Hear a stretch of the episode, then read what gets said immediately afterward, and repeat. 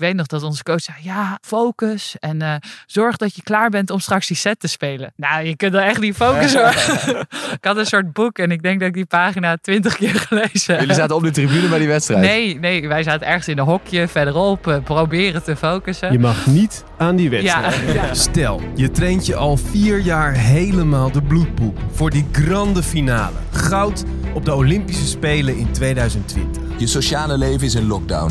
Je traint 28 uur per dag, 17 dagen per week. Je bent in absolute topvorm. Ja, stel dat en dat dan de Spelen jouw levensdoel Niet doorgaan. De Olympische Spelen van Tokio worden door de coronacrisis een jaar uitgesteld. Ik ben Joep Herings. En ik ben Marcel Bamberg. En in deze serie spreken we onze Olympische helden. Over de dag die al jaren in hun agenda stond. De finale waarin ze eigenlijk goud hadden willen pakken. De dag waarvan ze al jaren weten hoe laat ze opstaan, wat ze eten. En welk lied ze horen na de finish. Dit is de finale. Met in deze aflevering 6 augustus. De finale van beachvolleybalster Madeleine Meppelink. Ze was erbij tijdens de Spelen in Londen en Rio. En de huidige nummer 8 van de wereld en tweevoudig Europees kampioen gaat voor goud in Tokio. Samen met haar partner Sanne Keizer. Madeleine is net klaar met trainen als we haar spreken in het enorme indoorcomplex in Den Haag, waar de Nederlandse beachvolleybalteams trainen. Je moet je voorstellen, het is een sporthal, maar dan met duizenden vrachtwagenladingen zand over de vloer. Dus we gaan zitten onder een van de netten, met onze voetjes lekker in het zand.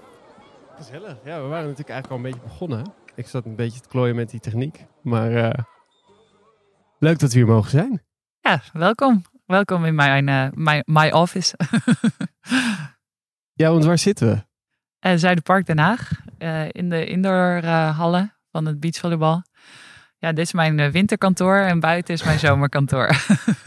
Een winterkantoor met, met voetjes in het zand. Het kan Ja. slechter. ja, nee, zeker niet verkeerd, eh, inderdaad. Ik was wel een beetje verrast, want het is een sporthal en zodra je de deur open doet, sta je op het strand. Dus dat betekent ook dat je je schoenen uit moet doen. Ja. En dat wij hier met onze apparatuur een beetje moeten oppassen waar we gaan staan. Ja. En dan zit ik toch tegelijk te denken, hoe ziet dit eruit in, eh, in Tokio? Weet je dat? In Tokio, nou, daar hebben ze geen indoorhal. Dus dan moeten we het dak al wegdenken. Ja, dan moeten we het dak wegdenken. Ja. Ja, we hebben een test-event gehad in Tokio. Dus eh, even kijken, dan het 2019. Hadden we een test-event in Tokio. Dus ik heb al gespeeld op de locatie, laat maar zeggen, in het park waar eh, de beachvolleybalvelden komen te liggen. En eh, dat was warm. dat was één ding. Eh, ja, voor de rest was het, stadion was natuurlijk veel kleiner en het was allemaal een beetje uitzoeken. Maar het was wel, ja, wel leuk om daar al te staan. En het is een eh, mooie locatie waar we mogen spelen straks. Het is eh Shiokaze Park, heb ik gelezen. Zo, zo heet het. Er, weet je op welke dag de finale zou zijn geweest? Nee. ik weet wel dat we één dag voor de mannen spelen. Maar ehm, ja, ik ben wel meer een persoon die gewoon gaat van eerst de eerste wedstrijden. En we hebben eerst de pool. En eh, daarna, daarna pas weer verder denken. Dat, eh, nee, ik ben niet van, oh, die datum is gemarkeerd. Nee, eerst, ja, de eerste startdatum, die was eh, meer in mijn hoofd gemarkeerd. Ja, want het zou dus vandaag zijn geweest. Oh, echt? Oké. Ja. Je was denk ik nu, eh, ja, nu was je denk ik aan het douchen ongeveer na de finale. Om 12 uur op 6 augustus Oké. zou die zijn gespeeld. 12 uur 's middags. Ja, hitte denk ik. Zie ik me zo Ja, dat eh 12 uur 's middags lijkt me wel warm, inderdaad. Dat, eh, maar daar waren we ook echt aan het voorbereiden. We hadden natuurlijk Thermo Tokyo. Daar eh, hadden we ook aan meegedaan. Zeker, Thermo eh, Tokyo. ja. En eh, Wat was Thermo Tokyo? Thermo Tokyo was eh, ja, dat vanuit de CNSF. En dan werden we als sporters helemaal getest van hoe doe je het in de hitte? Hoe doe je het normaal? Hoeveel moet je drinken? Eh, hoe gaat je hartslag? Hoe kun je het beste afkoelen? En je kerntemperatuur. Dus bijvoorbeeld tijdens het testevent speelden we ook met kleine thermometertjes. Die we dan als een soort pilletje die we dan moesten inslikken. En er werd dan later uitgelezen wat je core temperatuur was tijdens de wedstrijd. En dat was dan weer voor iedereen verschillend. En bij mij zagen we bijvoorbeeld dat gedurende een aantal dagen dat mijn temperatuur steeds, mijn starttemperatuur steeds hoger werd. Ja. Normaal is mijn starttemperatuur best laag, wat heel gunstig is, want dan heb je een hele grote buffer om omhoog te gaan tot je tot die kritische temperatuur komt. Maar mijn starttemperatuur werd steeds iets hoger, wat je niet wil. Dus voor mij was er iets heel belangrijks om te zorgen dat ik goed afkoelde vanaf dag één. Dus niet van, oh, ik voel me wel prima. Maar nee, vanaf dag één ijsbad in, uh, airco en dat soort dingen.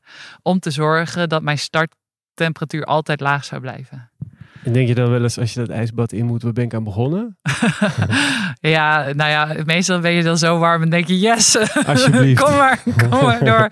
maar als je daar langer in zit, uh, ja, en het is ook, uh, het is een beetje mentaal, maar daar raak je heel snel eigenlijk aan gewend. Kun je ons eens meenemen naar, um, ja, naar Tokio? Het is, uh, het is de ochtend van de finale dag, stellen we ons zo een beetje voor. Hoe laat staat de wekker? Wat is het eerste wat je doet na de wekker? Ja, dus nou ja, ik weet nu dus dat hij om 12 uur was.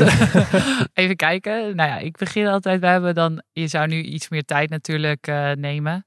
Dus ik denk dat mijn wekker om 8 uur of ja, tussen 7 of 8 zou staan. Ik denk dat we een soort uh, activatiesessie zouden doen. Om even te starten van de dag. Hoe ziet, hoe ziet dat eruit? Ja, ik, misschien wat stretchen, yoga. Je weet niet, hangt er vanaf hoe de spieren erbij staan. Um, eh, zorgen dat we stretchen, wat spieren activeren, ontbijten.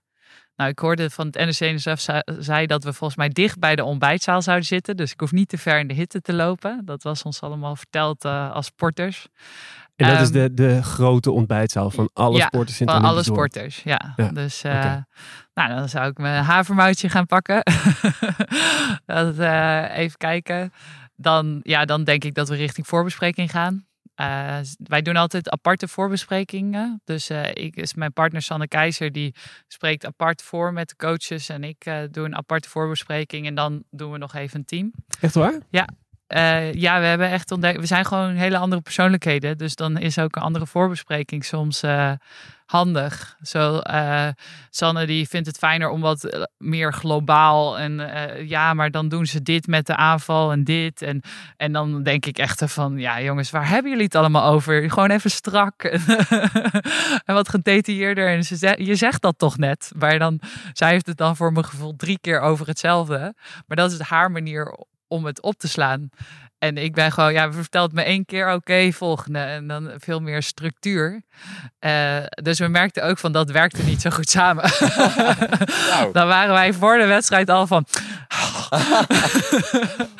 dus, uh, dus we hebben dat nu meer van, oké, okay, apart. En dan even van tevoren nog samen op één lijn. Uh, oké, okay, dit zijn de afspraken, ja, check. En dan gaan we. En, Wie kwam met dit idee? Ben ik dan benieuwd ja, naar. de coaches ook. Die coaches, ja, onze coach Richard de Kogel, die, uh, ja, die, die- daar leer je ook in. Je bent ondertussen nou drie jaar, dit is ons vierde jaar verder als team. Ja. En je leert elkaar steeds beter kennen. En dat zijn gewoon dingen die je op een gegeven moment denkt van, nou, misschien werkt dit beter. En dan denk je, ja, dit werkt echt veel beter. Dus, ehm, dus ja, dus dan heb ik de voorbespreking gehad. Dus Ja. dan weet ik wat de tegenstander allemaal doet.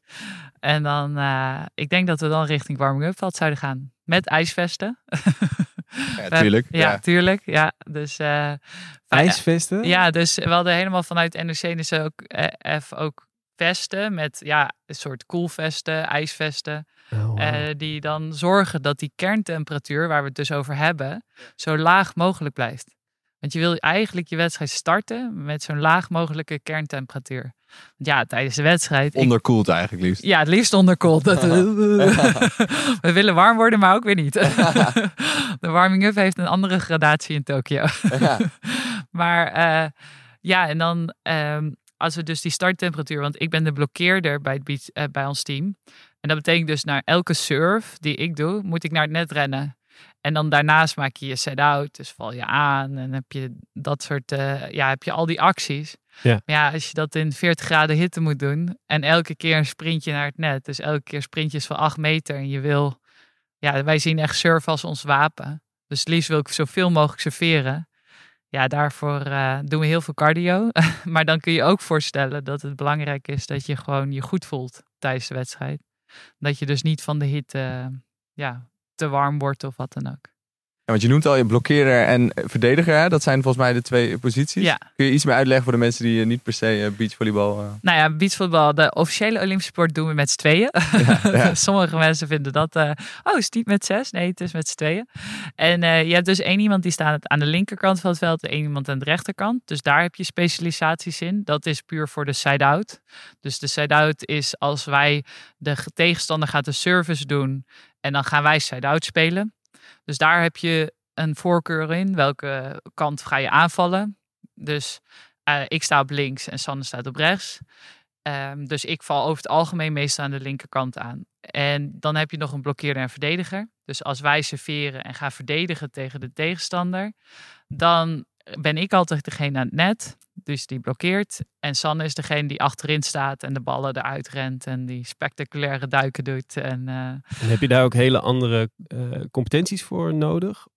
Ja, ja, het is wel echt specifiek dat je gewoon uh, bij je verdedigen is wel handig als je gewoon echt snelheid hebt. En dan is het meer wenden keren, dat moet snel zijn. En um, ja, het is, het is gewoon echt wel anders. Qua sprong is het bij een blokkeerder natuurlijk heel belangrijk. Van hoe hoger je springt, hoe beter. Uh, maar toch komt het ook wel weer op leeswerk aan. Echt lezen van de tegenstander. En dat is in beide posities. Alleen natuurlijk vanuit een hele andere hoek. Ik sta veel dichter op de aanvaller dan uh, Sanne die in het achterveld staat. Maar dat, daarom zie je ook dat beachvoetbal ook wel echt, echt wel een ervaringssport, zegt ze. Dat is gewoon honderdduizend keer dezelfde situaties. En dan het beter lezen en weer beter en leren van die dingen. Gewoon honderdduizend keer dezelfde situatie. En dan gewoon ervan leren. En dan beter worden. Twee keer Europees kampioen worden en bij de top 8 wereldwijd behoren. Het klinkt alsof het allemaal met heel veel gemak gaat, maar daar gaan heel veel trainingsuren aan vooraf. Ze vertelt ons hoe ze doorkreeg dat het beachvolleybal moest worden. Hoe ze als enige van haar lichting van destijds nog over is gebleven. Hoe ze begon in de zaal, zoals eigenlijk iedereen in Nederland, en bijna per toeval belandde op het strand. Ja, ja elke beachvolleyballer in Nederland begint nog wel in de zaal. Dus ik ook. Uh, toen ik zeven was, in de zaal begonnen. En uh, op mijn veertiende had ik op een gegeven moment een coach die zei van... Goh, vind je het een keer leuk om te beachvolleyballen? Ik zei, nou, beachvolleyballen, oké. Bij de plaatselijke plas was zo'n klein strandje. Ga maar een keer beachvolleyballen. Nou, dat vond ik wel leuk. En, uh, maar niet specifiek echt interesse. Maar ik wilde wel altijd gewoon graag goed zijn. Ik wilde goed worden. En, uh, en toen werd ik dus gevraagd van, uh, oh, we moeten even zwaaien voor de, voor de lampen. De lichten gaan hier uit.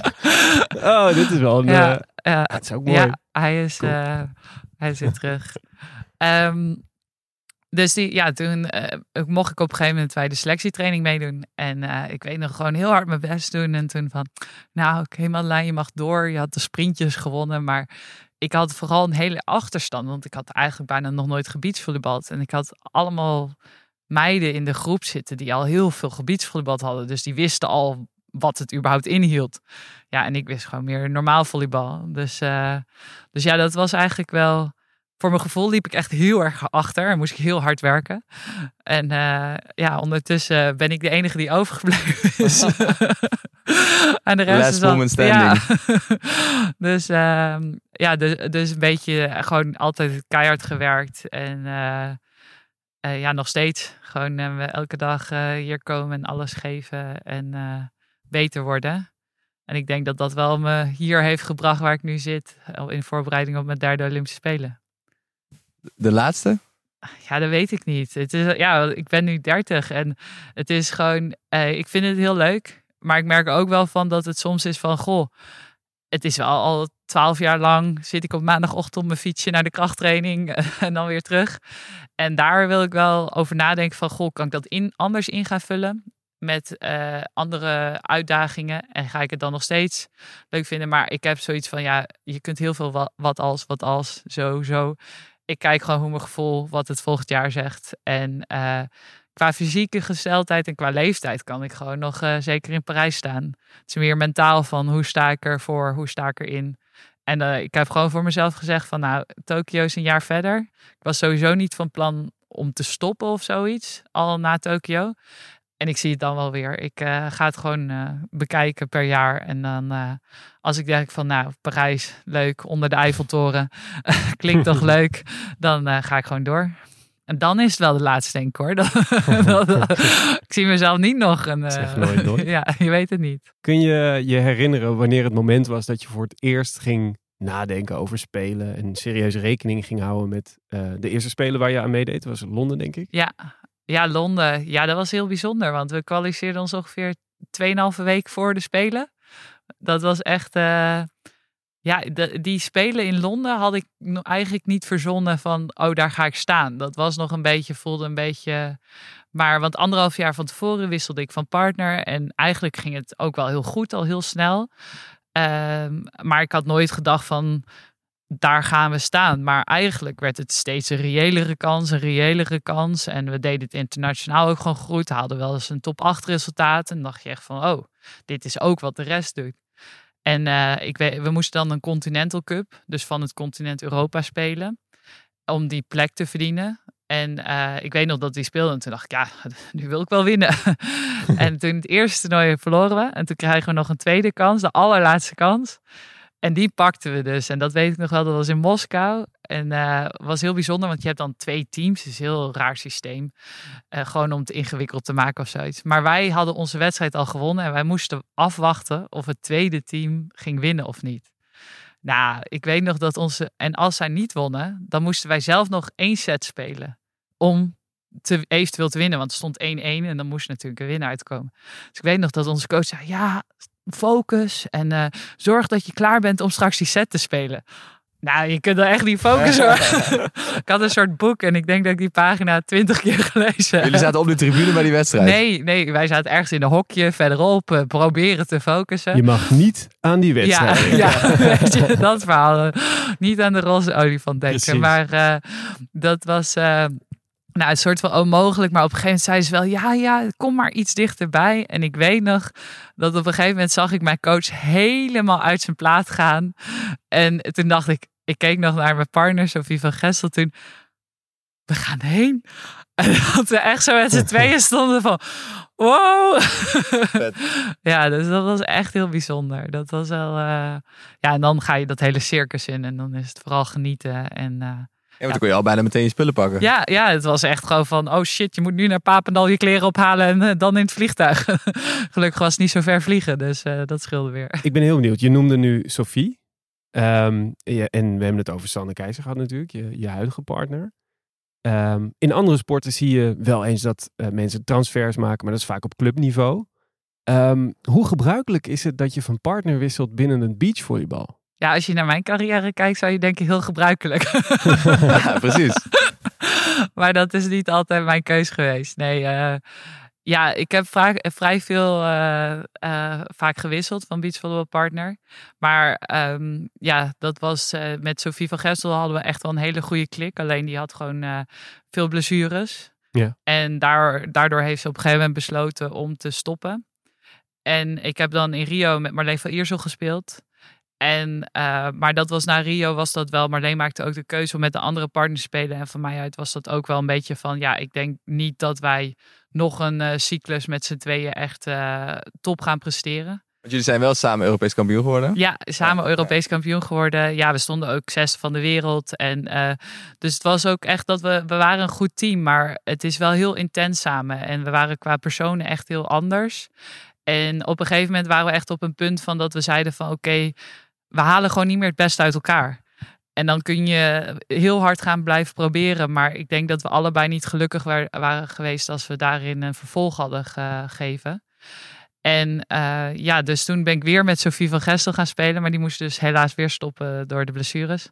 Ja, nu sta ik naast Sanne Keizer. En dat is wel heel bijzonder. Want in 2012 waren we concurrenten. Zij was ook de blokkeerder. Ehm, we waren ook niet elkaars grootste fans. dus dan, als je, ik denk, we zeggen wel eens, als, we, als je ons toen had verteld dat we naast elkaar zouden gaan spelen, hadden we je echt keihard uitgelachen. Dat, eh, Want voor ons beeld, jullie waren belangrijkste concurrenten voor het ticket naar eh, de Spelen. Of, of ja, voor, er mogen twee teams naar de Spelen, maar het was gewoon meer op in, een nationaal niveau. Van, Ja, eh, ik was een beetje eh, ja, het, jongere team, wat nog opkomend. En Sanne was meer de gevestigde orde. En eh, dat was een beetje zo'n onderlinge nationale strijd. En we gingen ook vaak op trainingstages samen. En ja, we hadden buiten het veld dan ook niet echt een klik op dat moment. Dus ja, we waren gewoon niet, eh, qua persoonlijkheden hadden we echt geen match. Maar het is wel heel leuk om te zien dat je dus dan vijf jaar later eigenlijk, ja, allebei ook natuurlijk meer ervaring, eh, opeens wel een match bent. En eh, ja, zijn we ook samen Europees kampioen geworden. Dus, eh, en ook op het veld en ook buiten het veld. Dat, het is gewoon nu gewoon goed. We echt een, ja, allebei gewoon echt een doel. En daar willen we samen voor werken. En ja, dat is heel leuk om te zien dat dat nu zo goed uitpakt. Want, want hoe gaat dat matchmaking? Want het, ik heb gezien, er zijn heel veel duo's die ook nu nog spelen, die met elkaar uit hebben gespeeld. Ik geloof, heeft Sanne ook met Marleen gespeeld ja, bijvoorbeeld. Ja. Hoe, hoe gaat dat? Ga je gewoon eens een keer iets anders proberen op een toernooi met iemand? Of? Nou ja, je kent elkaar natuurlijk ook op een gegeven moment, want je traint wel heel veel samen. Wij zijn niet, ik train niet de hele tijd alleen maar met Sanne. We hebben nu een hele grote groep met heel veel jonge talenten waar we mee trainen. En uh, die pushen ons de hele dag door. En dan denk ik van, ze komen wel, ze worden beter, ze worden beter. Shit, ik moet ook beter. Uh, en um, dat, ja, het is, een beetje, het is een beetje raar, want soms is het ook een beetje zo'n half sollicitatiegesprek van ik wil graag met jou spelen, wil jij ook met mij spelen? Dus het is wel bijzonder hoe dat gaat, maar het is een beetje, je kijkt natuurlijk naar uh, volleybaltechnisch, dus zoals ik al zei, je, die, je staat in de rechterkant of de linkerkant van het veld. Nou, dat is iets waar je het over kunt hebben van, goh, wat vind jij prettig? Nou, een blokkeerde verdediger, dus dat, ja, dat filtert al een beetje van welke mensen passen ernaast.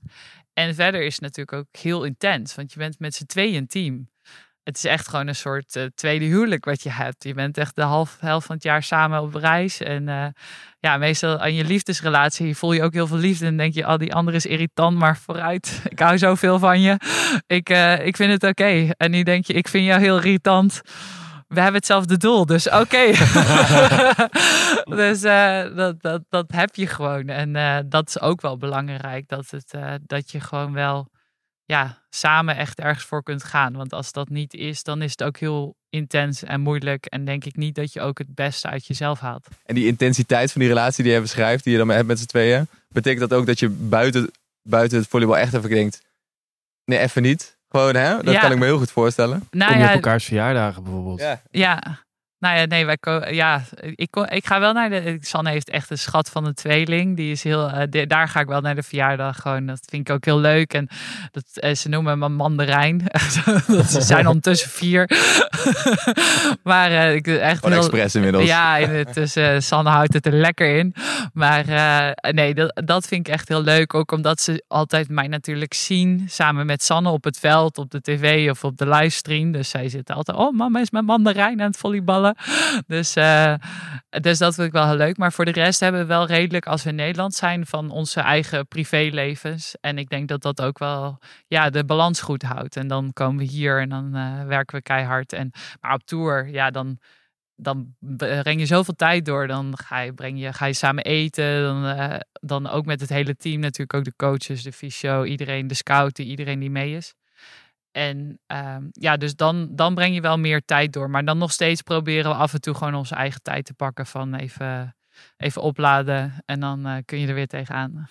Want jullie werden in 2018 zijn jullie Europees kampioen geworden. Volgens mij was dat best een verrassing, want jullie speelden nog niet zo lang samen. Nee, ja, dat was wel. Was natuurlijk in eigen land. Dat was echt heel vet. Hier zo, eh, eigenlijk daar, daar zo buiten. Dat was. eh, Voor de luisteraar. Ja. eh, Buiten dit complex. Ja, sorry, even vergeten. Maar ja, dus eh, ze begonnen in Rotterdam. En bij de SS Rotterdam hadden we een hele mooie locatie. Toen mochten we de finale uiteindelijk hier spelen. Ja, dat was wel verrassend. Kijk, wij, gaan een partnerschap aan in, en wij zien de potentie. Dus wij denken natuurlijk alweer vooruit. En daar, wij zien het al verder. En de meeste mensen die zien gewoon je momentopname. Ja, en soms zijn dat ook momentopnamen. Ja, dan zit je in een, eh, in een periode waarop je denkt van ja, dit past, dit resultaat past nu bij het moment. En mensen zien alleen maar het resultaat.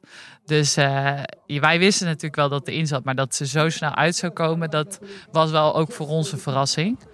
Ehm, maar het was wel echt heel leuk om dat voor eigen publiek te winnen. Na ongewoon veel te hebben moeten switchen van partners, pakt Madeleine in 2018 voor de tweede keer een Europese titel. En deze keer samen met Sanne Keizer, haar nieuwe partner. Het blijkt een succesvolle samenwerking. De jaren erna blijven ze samen trainen en spelen. De grootste uitdaging? De Olympische Spelen in Tokio. En deze keer dus niet als concurrenten zoals eerder, maar als partners. Zou het mogelijk zijn? Na jaren weinig klik, nu samen goud pakken in die Olympische finale. Hoe schat je je kansen in, eh, in Tokio? Ja, nou ja, nu, nu is het helemaal open. Ik weet niet wat de rest heeft gedaan. Eh, ja, we staan nu tiende van de wereld. Ehm, ja, we willen sowieso spelen. We willen gewoon voor die medailles spelen. We hebben beide uh, op de Olympische Spelen gestaan. Nou, ik ben twee keer de negende geworden. Ja, dat is leuk. Maar ja, winnen, dat is toch wat je wil doen. En uh, gaan gewoon voor goud. Ja, tuurlijk. En de kwalificatie, is dat dan een soort nog praktische hobbel? Uh, nou ja, we staan dus achtste op de Olympische ranking. Um, ik maak me niet heel erg druk om de kwalificatie. Officieel zijn we nog niet gekwalificeerd. Maar we staan er wel zo goed voor. Je dat moet bij ik, de top uh, 15 zitten. Ja, 15. En dan heb je ook nog de wereldkampioen en nog andere plekken. Die, dus het is bijna top 17, 18 ja. ondertussen. Ja, als je dan achtste staat, dat, dan is het redelijk safe. Maar uh, ja, we willen in uh, Tokio willen we zeker. En ja, goud is natuurlijk het mooist. Dat uh, Wilhelmus wil je toch horen stiekem. Dat je, als je daarover nadenkt, dan denk ik van ja, dan sta je op het podium, dan wil je ook jou, jouw lied horen. Dat is toch wel, zou wel gaaf zijn. Zullen we eens teruggaan naar die dag? Mooi. Ja, vind ik goed. Nou, we hebben de ochtend gehad. Hè. Je hebt net gegeten in die zaal. Je hebt uh, de, de voorbespreking al gehad.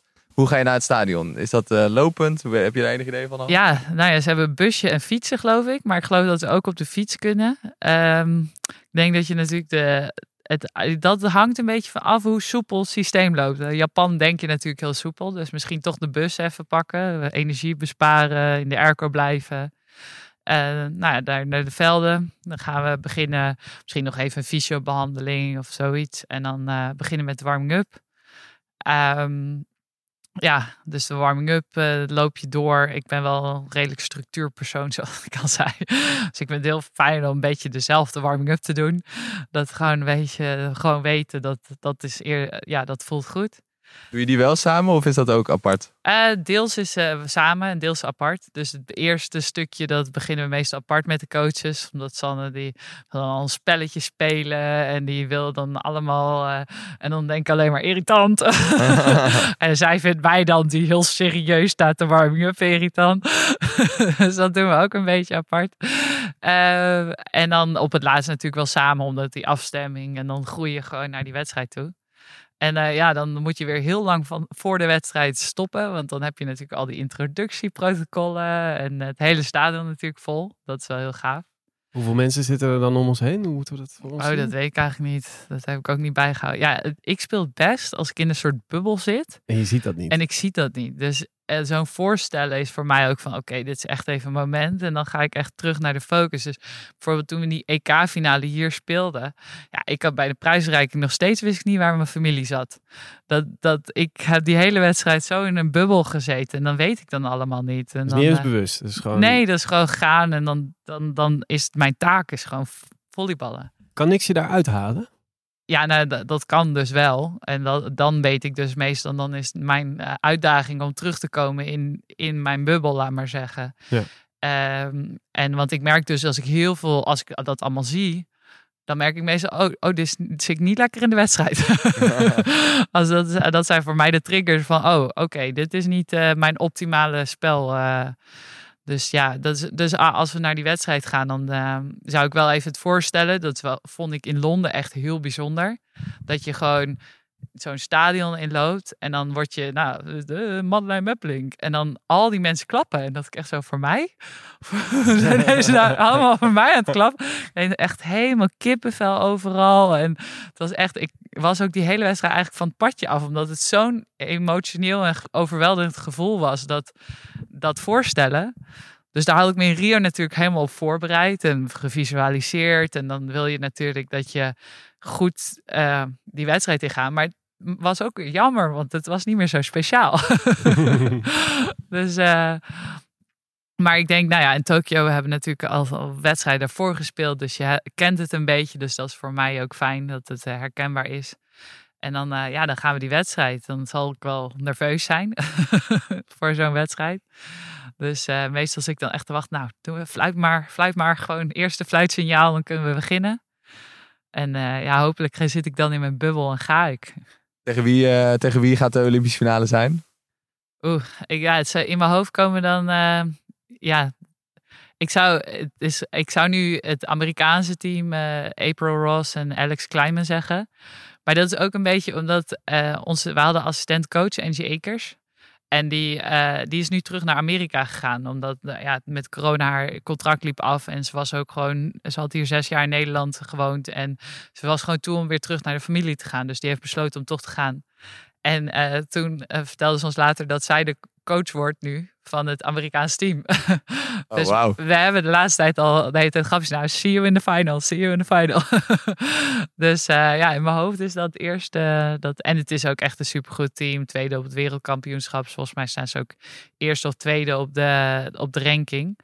Dus uh, ja, in mijn hoofd spelen we de finale tegen hun. Een paar uur van tevoren. Kan iemand je dan nog iets whatsappen en dat je het leest en dat je denkt, oh ja, attent. Nou, nee, ik denk, niet, ik denk niet heel veel of zo. Ik ben sowieso een slechte whatsapper. ik krijg altijd tegen mijn vrienden verwacht niet heel veel reacties over het algemeen. ik ben meer een uh, in real life persoon. Uh, um, nee, ik denk dat ik dat wel redelijk afsluit. Ik ben niet zo social media, ja, ik vind het leuk om bepaalde dingen te delen, maar het is niet echt mijn uh, hobby. Um, dus ik denk dat ik dat redelijk afsluit. Dat, uh, maar ja, als je echt dingen hebt. Wie is de laatste die tegen je mag praten? Ja, ik denk wel mijn vriend dan, dat hij, uh, okay. of, uh, of mijn moeder of zoiets. Mijn moeder zegt dan altijd, ah je toe. ja, het is van buurman en buurman. Ja, dat weet ik ook, man. Volledig dan... uit je focus. Ja. uh, maar ja, toch wacht je stiekem weer op die ayato van je moeder. Als ze het niet zegt, dan is het gejinxed. Ja, ja, ja. Ja, ja we, gaan, uh, we hebben een bericht voor je. We gaan hem gewoon even laten luisteren. Komt-ie. We pakken elkaars handen vast. Kijken elkaar in de ogen. Oké, okay, Matt. Zijn we er klaar voor? Is het plan helder? Top. Hoe is het met je gevoel? Top. Waar nodig passen we ons aan. Waar nodig zetten we door. Hou contact met je partner. Ik heb er vertrouwen in. Ik heb er zin in. Zet hem op. Let's go. Is dit hoe het gaat? Ja, ja wel redelijk. Uh, even de korte checklist van de coach uh, voor de wedstrijd. Want wie horen we? Uh, Richard de Kogel, de coach. Um, ja, het is wel heel herkenbaar van even checken hoe staan we ervoor. En delen van gevoelens. Even soms ja, kun je van die hersenspinsels hebben dat je jezelf helemaal of nerveuzer maakt of het is te relaxed of wat dan ook. Even checken van is het spanningsniveau daar. En uh, ja, daar vertrouw ik ook wel heel erg op, uh, op onze coach uh, Richard op. Want ik ben zelf dus iets meer rationeel persoon. En dan kan ik soms heel erg rationeel zitten. En dan kijkt hij me echt aan van... Ja, Madeleine, je zit er niet echt lekker in, hè? en dan zit ik echt, jawel. en dan zegt hij... en dan denk ik, oh ja, nee. en heb je dan iets om er wel weer lekker in te komen? Nou, soms alleen al die feedback. Dan weet je wel, dat, dat is voor mij heel belangrijk. Soms mis ik gewoon even hoe ik over overkom. Of dan eh, denk ik voor mezelf wel van het valt allemaal wel mee met die spanning. En dan staat de rest van het team echt zo van jeetje, Madeleine is echt heel gespannen.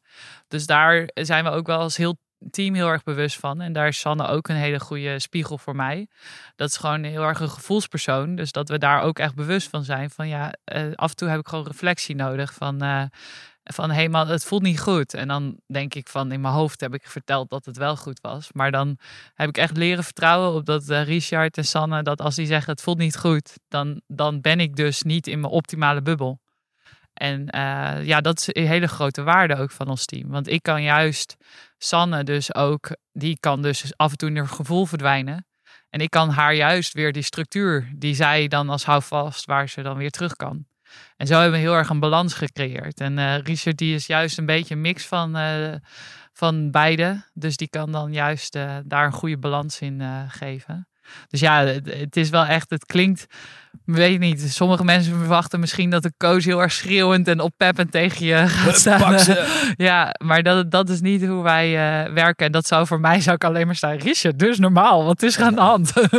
Volgens mij ben je een beetje zenuwachtig. Ja. Zoiets. Dat, uh, dan zou ik, lekker. Ja, dan zou, hij, zou ik me meer uit mijn focus halen. Dus dit is wel een beetje, beetje hoe het gaat. En het is altijd fijn om te horen dat de coach er gewoon vertrouwen in heeft. En uh, we gaan gewoon alles geven.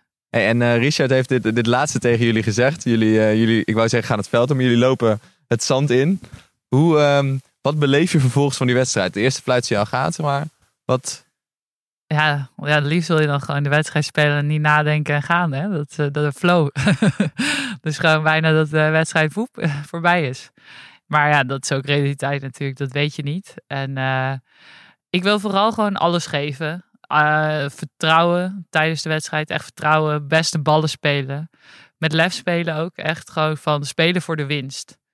En uh, soms is dat heel dichtbij dat je dan, dan gaat spelen om niet te verliezen. En dan ga je dus fouten maken of je speelt niet je beste bal. Dus wat, wat ik vooral wil is gewoon dat veld afstappen en van ja, ik heb alles gegeven. Ik heb met lef gespeeld. Ik ben voor elke beste bal gegaan. Ja, en als de tegenstander dan beter is, dan is hij beter. Maar dan, dat, zo wil ik terugkijken op zo'n dag. En dan, ja, wat het resultaat is, dan uh, hebben wij natuurlijk gewoon goud. ja, want als je je baseert op die twee gewonnen Europese titels, hè, die twee finales. Hoe is zo'n finale? Is een finale heel anders dan een halffinale, een poolwedstrijd? Nee, voor mij dus, wat ik, ja, wat ik in het begin ook zei, is van, ik weet dus ook niet wat de finale dag was. Omdat ik echt gewoon wedstrijd voor wedstrijd wil spelen, punt voor punt. En zo zit ik het beste in mijn bubbel. En wat je dus vroeg van waardoor kom je uit die bubbel? Ja, dat is dus nadenken over de toekomst, nadenken over wat er gebeurd is. En echt gewoon, die bubbel is nu. Ja, het klinkt zo heel cliché misschien. En tuurlijk heb ik hier ook met, uh, we hebben hier jarenlang aan gewerkt en dat soort dingen. En, maar je weet gewoon op een gegeven moment iets meer het gevoel van hier zit, nu zit ik erin. En afleidende dingen. Dus uh, ja, ik wil gewoon... Uh, daar vooral in zitten. Stel hè, je hebt die finale gewonnen. Zullen we daar gewoon van uitgaan? Jullie zijn Olympisch kampioen. Het is uh, 2021 inmiddels. Uh, neem ons eens mee. Wat, wat gaat er dan gebeuren voor, voor je gevoel? Ja, ik denk dat ik eerst helemaal niet kan geloven. Als we maar lood rondjes gaan rennen. En helemaal uit mijn dak gaan. Nou, eerst natuurlijk gewoon vieren met uh, Sanne. Ik denk nou dat Richard ongeveer ook al bovenop ons ligt. Ook we hebben die, uh, die, die uh, security mensen waarschijnlijk al proberen tegen te houden. maar dan maakt hem ook allemaal niks meer uit. um, ik denk dat mijn familie helemaal uit zijn dak gaat. Maar ja, ik heb natuurlijk geen flauw benul waar die zitten. dus um, ja, en ik denk dat het dan gewoon alleen maar over verbaasd. Nou ja, dan moet je, ga je natuurlijk naar de perstunnel, want dat is de volgende stap. En ik denk dat het dan gewoon één grote waas, maar vooral ook heel groot feest is. En, uh... Ja, die pers, ben je daar een beetje op voorbereid? Ja, dat, uh, ik, ja, ik weet niet. Dat, dat, dat ben je ook ondertussen misschien wel een beetje gewend te vragen. En wat voor een. Uh, dus waarschijnlijk ga ik nog wel heel netjes de wedstrijd bespreken. Wat er allemaal gebeurd Terwijl is. Je in een enorme high zit. Ja, ja. ja. We kunnen het gewoon even oefenen. Laten we het, uh, laten we het even oefenen. Het oefenen. Ja. ja. Wij, wij staan daar als verslaggevers namens, weet ik veel, Studio Sport of zo. We krijgen jou voor, voor ons neus en zeggen: Olympisch kampioen, ongelooflijk. De tegenstander heeft geen enkel punt kunnen maken. Uh, ben je trots? Ja, super trots. Ja, het is echt, uh, ik kan het nog steeds niet geloven. Dat is echt, uh, ja, hoe, dat is wel even wennen. En, maar ja, nee, we zaten er gewoon echt lekker in. Vanaf punt 1, de, de serve, het viel gewoon, alles viel op zijn plek. We hadden een goede tactiek. De tactiek werkte en we bleven evalueren en communiceren of het aan moesten passen. Maar dat uh, was niet nodig. We hadden dus gewoon echt vanaf punt 1 onder druk. En we bleven druk zetten, geloof in onszelf en uh, echt spelen voor die winst. En we hoorden je moeder vlak van tevoren nog Ayato vanaf de tribune roepen. Heb je dat meegekregen? Nee, ik uh, ga er wel vanuit dat ze het geroepen heeft. Dat is een standaard dingetje een beetje. Maar uh, nee, ik zat echt... Ik was goede focus. Ik zat lekker in mijn bubbel. Heel goed. Koning Willem-Alexander heeft net bekendgemaakt dat deze datum, de datum van jullie finale, een nationale feestdag is geworden. Trots op... ja, weet je welke datum het is? nee. Want dit is jouw dag. Ja, ja, ja. Nou, ik weet in ieder geval dat het dan volgend jaar gewoon een leuk feest wordt met vrienden en familie. Heel goed. dat uh, iedereen er gaat van genieten. Maar uh, ja, ik zal even terugkijken welke datum eigenlijk precies was.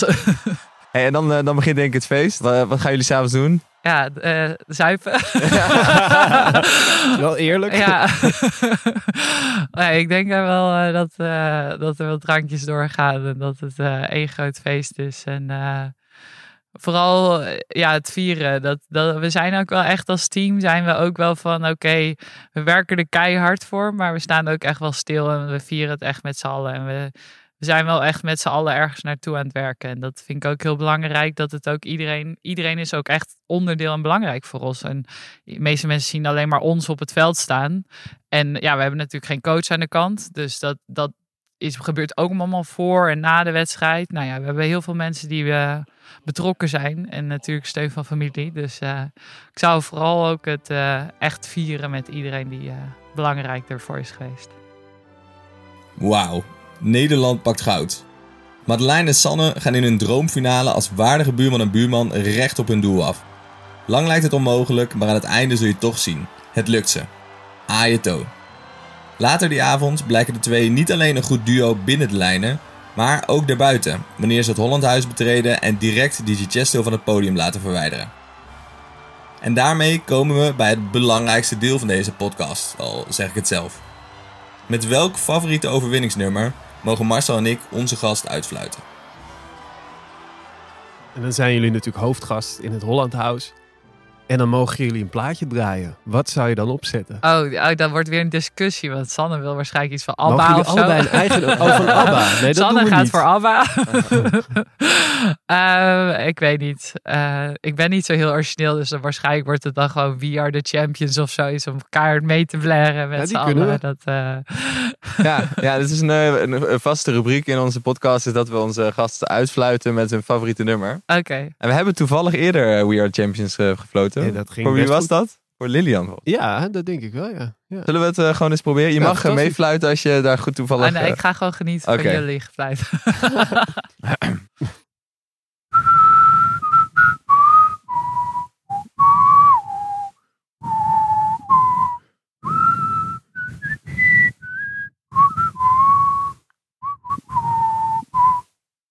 Nou, dat gaat Nou, steeds ja, beter. ik vond hem goed hoor. Het wordt beter. Ja. Het wordt beter, langzamerhand. Ja, Ik had hem niet zo goed verwacht. Dus ik had het echt... eh, gelukkig.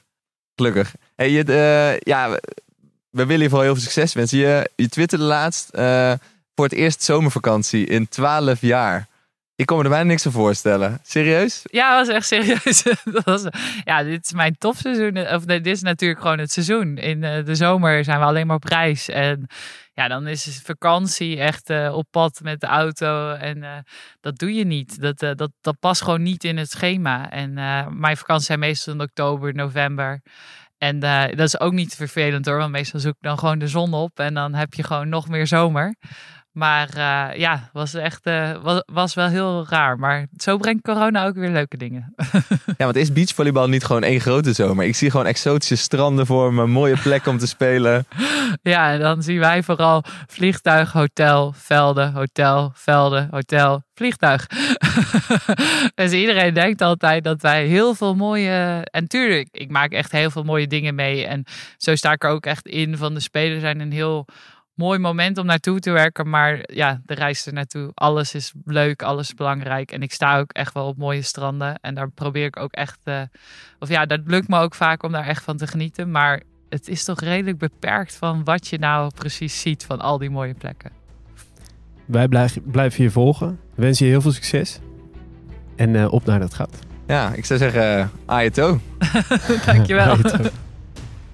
Dit was de vijfde aflevering van De Finale, gemaakt door Joep Herings en Marcel Bamberg. Vergeet je niet te abonneren en bedankt voor jullie recensies in Apple Podcasts. De volgende aflevering is de finale van Dimeo van der Horst en de Nederlandse mannen in het 3x3 basketbal. En als je denkt, ik ken die sport niet, dat kan kloppen. Het is een nieuwe sport op de Olympische Spelen. En Nederland is serieus kanshebber. Dat dus de volgende keer. Tot de volgende aflevering. Tot de volgende finale.